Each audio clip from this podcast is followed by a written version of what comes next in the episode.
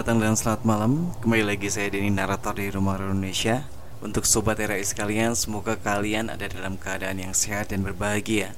Pada malam hari ini saya akan membawakan dua buah cerita yang berasal dari urban legend dari Korea. Yang pertama nanti mengenai hantu air yang memang sangat ditakuti di sana dan yang satu lagi nanti mengenai kejadian mengerikan di lantai 14 sebuah gedung. Oke, kita langsung saja ke cerita yang pertama. Hantu Air. Cerita ini bermula dari adanya sepasang suami istri yang memutuskan untuk berlibur ke pantai. Setelah mereka sampai pantai, kemudian mereka pergi ke penginapan Kemudian meletakkan atau menata barang-barang yang mereka bawa. Setelah itu mereka pergi makan siang karena emang waktu itu masih siang. Jadi mereka memutuskan untuk makan makanan yang mentah atau mungkin semacam sushi kayak gitulah ya. Ada pemandangan laut yang sangat luas dan indah di dekat area makan pasangan tersebut. Suasana laut yang menyejukkan membuat lambat laun pasangan tersebut melamun melihat laut di hadapan mereka. Belum lama mereka menikmati pemandangan itu. Pasangan tersebut melihat ada seorang pria yang tenggelam di laut. Mereka kemudian memutuskan untuk membantu pria tersebut. Sang suami mendekati dan kemudian langsung berenang untuk menyelamatkan pria tersebut. Sementara sang wanita pergi untuk mencari bantuan. Akan tetapi, anehnya saat masuk ke dalam air, ternyata air pada posisi itu tuh nggak dalam gitu. Jadi harusnya ya nggak tenggelam. Bahkan kalau dihitung-hitung, ketinggian air laut tuh hanya di bawah pundaknya. Namun ya udah, ia memutuskan untuk tetap berpikiran positif. Si suami tadi mencoba untuk menarik orang yang tenggelam itu. Tapi meskipun sudah ditarik, pria tersebut tetaplah tidak bisa keluar dari area itu. Kemudian sang suami melihat ke bawah. Begitu dilihat, bagian bawah pria tersebut tidak bergerak sama sekali. Seperti ada suatu kuasa yang menahan gitu. Nah, ketika bagian bawahnya tidak bisa bergerak, bagian atasnya terus bergerak seakan meminta pertolongan. Meski mulai aneh dan merasa tidak nyaman, sang pria tetap mencoba untuk menolong orang tenggelam tersebut. Ia sempat melihat keadaan sekitar untuk meminta bantuan orang lain, namun ternyata tidak ada satupun orang yang ada di sekitar sana. Setelah itu, ia membalikan badan menghadap pria tersebut untuk mencoba menolongnya kembali. Seketika si suami terkejut lantaran wajah pria itu berubah. Wajah pria yang tenggelam itu berwarna pucat dan sedikit kebiruan. Selain itu, si suami tadi memperhatikan wajah pria tersebut tampak tidak ada ekspresi.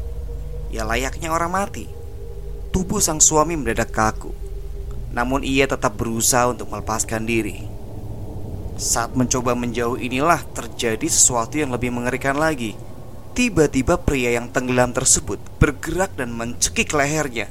Dan bukan hanya itu, si pria tenggelam itu berusaha menarik si suami ke dalam air.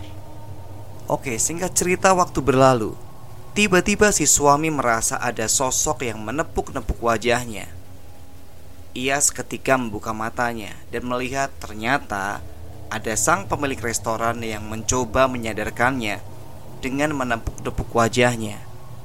Ia juga memperhatikan bahwa di sekitarnya ada istrinya yang sudah menangis begitu keras. Ia kemudian bertanya kepada sang pemilik restoran, "Ya ada apa ini? Kenapa saya bisa di sini?" Sang pemilik restoran kemudian menunjuk ke arah laut.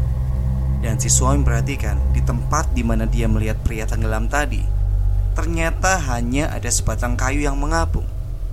Jadi orang-orang tidak pernah melihat adanya pria tenggelam di sana.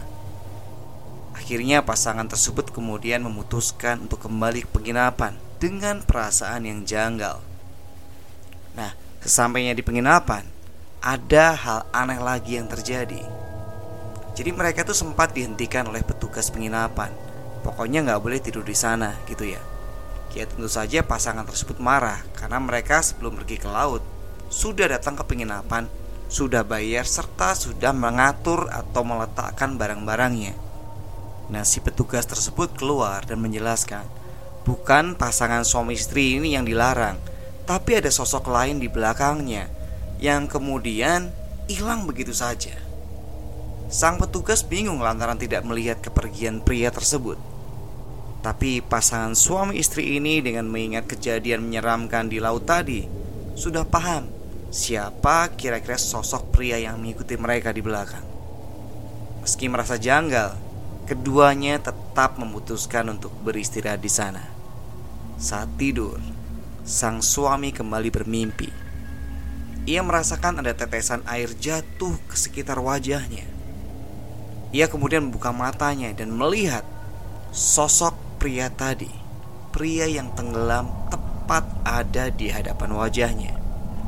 Meskipun ini hanya mimpi, tapi si suami sudah merasa tidak betah sehingga dia membangunkan istrinya untuk mereka bisa segera pulang kembali ke rumah mereka. Dan perjalanan pulang mereka juga bisa diduga tidak semulus yang dipikirkan. Si suami sering melihat bahwa bayangan pria tenggelam tadi muncul di spion maupun kaca mobil. Ya karena gangguan yang begitu intens, akhirnya pasangan ini sesekali menepi ke pinggir jalan untuk beristirahat dan menenangkan pikiran dan hati mereka. Untungnya, meskipun begitu banyak gangguan, pasangan suami istri bisa pulang kembali ke rumah mereka dengan selamat. Dan cerita kedua datang dari akun yang bernama Nangka Goreng Tepung yang nanti linknya akan saya berikan di deskripsi ya. Inilah dia, lantai 14.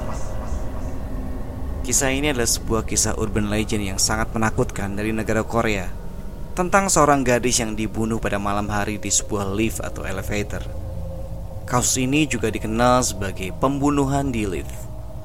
Jadi ada seorang gadis Korea berusia 19 tahun. Ya sebut saja namanya Hana lah ya. Ini bukan nama aslinya ya. Hana ini menghadiri sebuah acara di universitas di kota besar Korea. Suatu malam, ia harus tetap berada di ruang perpustakaan untuk menyelesaikan sebuah proyek dan membuat gadis itu pulang larut malam.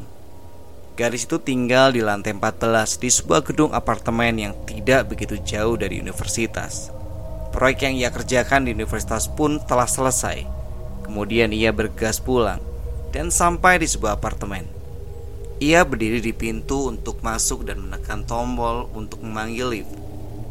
Ketika lift tiba dan pintunya terbuka, ia pun langsung melangkah masuk dan menekan tombol untuk menuju lantai yang ditujunya. Sesaat pintu lift akan segera menutup.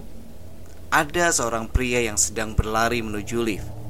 Pria itu sungguh terlihat lelah dan mengulurkan tangannya untuk menghentikan penutupan pintu. Kemudian ia melangkah masuk ke lift dan berdiri di sampingnya. Permisi, apakah Anda tinggal di lantai 14? Tanya pria itu sambil melihat tombol lift menyala. Iya, jawab garis itu sambil terdiam. Oh, Kata pria itu sambil tersenyum kepadanya Kebetulan sekali ya Saya tinggal di lantai 13 Hanya beda satu lantai Saut pria itu sambil menekan tombol lift nomor 13 Melalui jendela di pintu lift Gadis itu hanya menyaksikan lantai yang sedang berlalu menuju ke atas Dan keduanya pun berdiri dalam keadaan hening dan terdiam Gadis itu melirik beberapa kali kepada pria itu Kemudian mereka kebetulan berpapasan dalam satu pandangan. Pria itu tersenyum manis kepadanya, dan gadis itu merasa malu dan pipinya pun memerah. Saat itu lift berhenti di lantai 13. Pintu lift pun terbuka dan pria itu melangkah keluar dari lift. Sampai nanti ya, kata pria itu sambil tersenyum. Ya, dengan senang hati. Sampai ketemu lagi, jawab gadis itu dengan nada riang. Kemudian pintu lift itu menutup dan tiba-tiba saja pria itu berbalik dan menoleh kepadanya dan menarik sebuah benda dari dalam jasnya. Benda itu adalah sebuah pisau dapur yang tajam. Dan pria itu berkata kepada gadis itu dengan suara mengancam, "Hei, lantai atas. Aku tunggu kau." Kemudian pria itu tertawa seperti orang gila. Dan pria itu berlari menuju tangga, menuju lantai 14. Gadis itu pun mulai merasa panik dan takut. Kemudian ia memukul-mukul tombol lift dengan keras dan berusaha untuk menghentikan laju lift. Tetapi usahanya itu pun tidak ada gunanya dan ia pun putus asa. Ketika ia sampai di lantai 14 dan pintu lift pun terbuka, pria yang membawa pisau itu pun sudah berdiri di sana, menunggunya dan siap untuk membunuhnya. Di negara Korea, para penduduknya mengatakan bahwa kasus ini bukan hanya sekedar kisah urban legend, tapi kasus ini adalah sebuah kisah nyata. Dikabarkan seorang gadis yang tadi sebut saja namanya Hana ditemukan tewas, ditikam sampai mati di dalam lift. Para penduduk mengatakan bahwa bagian terburuk dalam kasus ini bukanlah kematian dari gadis, melainkan penderitaan yang dialami si gadis itu dengan ancaman pembunuhan dalam menuju ke lantai 14 dan perasaan takut yang dipenuhi dengan keputusasaan. Terjebak dalam lift sambil memukul tombol lift supaya berhenti. Kemudian ia tahu bahwa ia akan mati di lantai 14. Nah, inilah juga sebabnya mengapa di setiap lift sekarang telah tersedia tombol berhenti. Oke, segitu dulu pembacaan cerita horor pada malam hari ini. Semoga kalian terhibur. Buat kalian yang pengen cerita mistis atau pengalaman mistisnya dibacakan di sini, kirim saja cerita kalian ke denny.tristanto1104@gmail.com. Sampai ketemu di cerita berikutnya. Selamat malam, selamat beristirahat.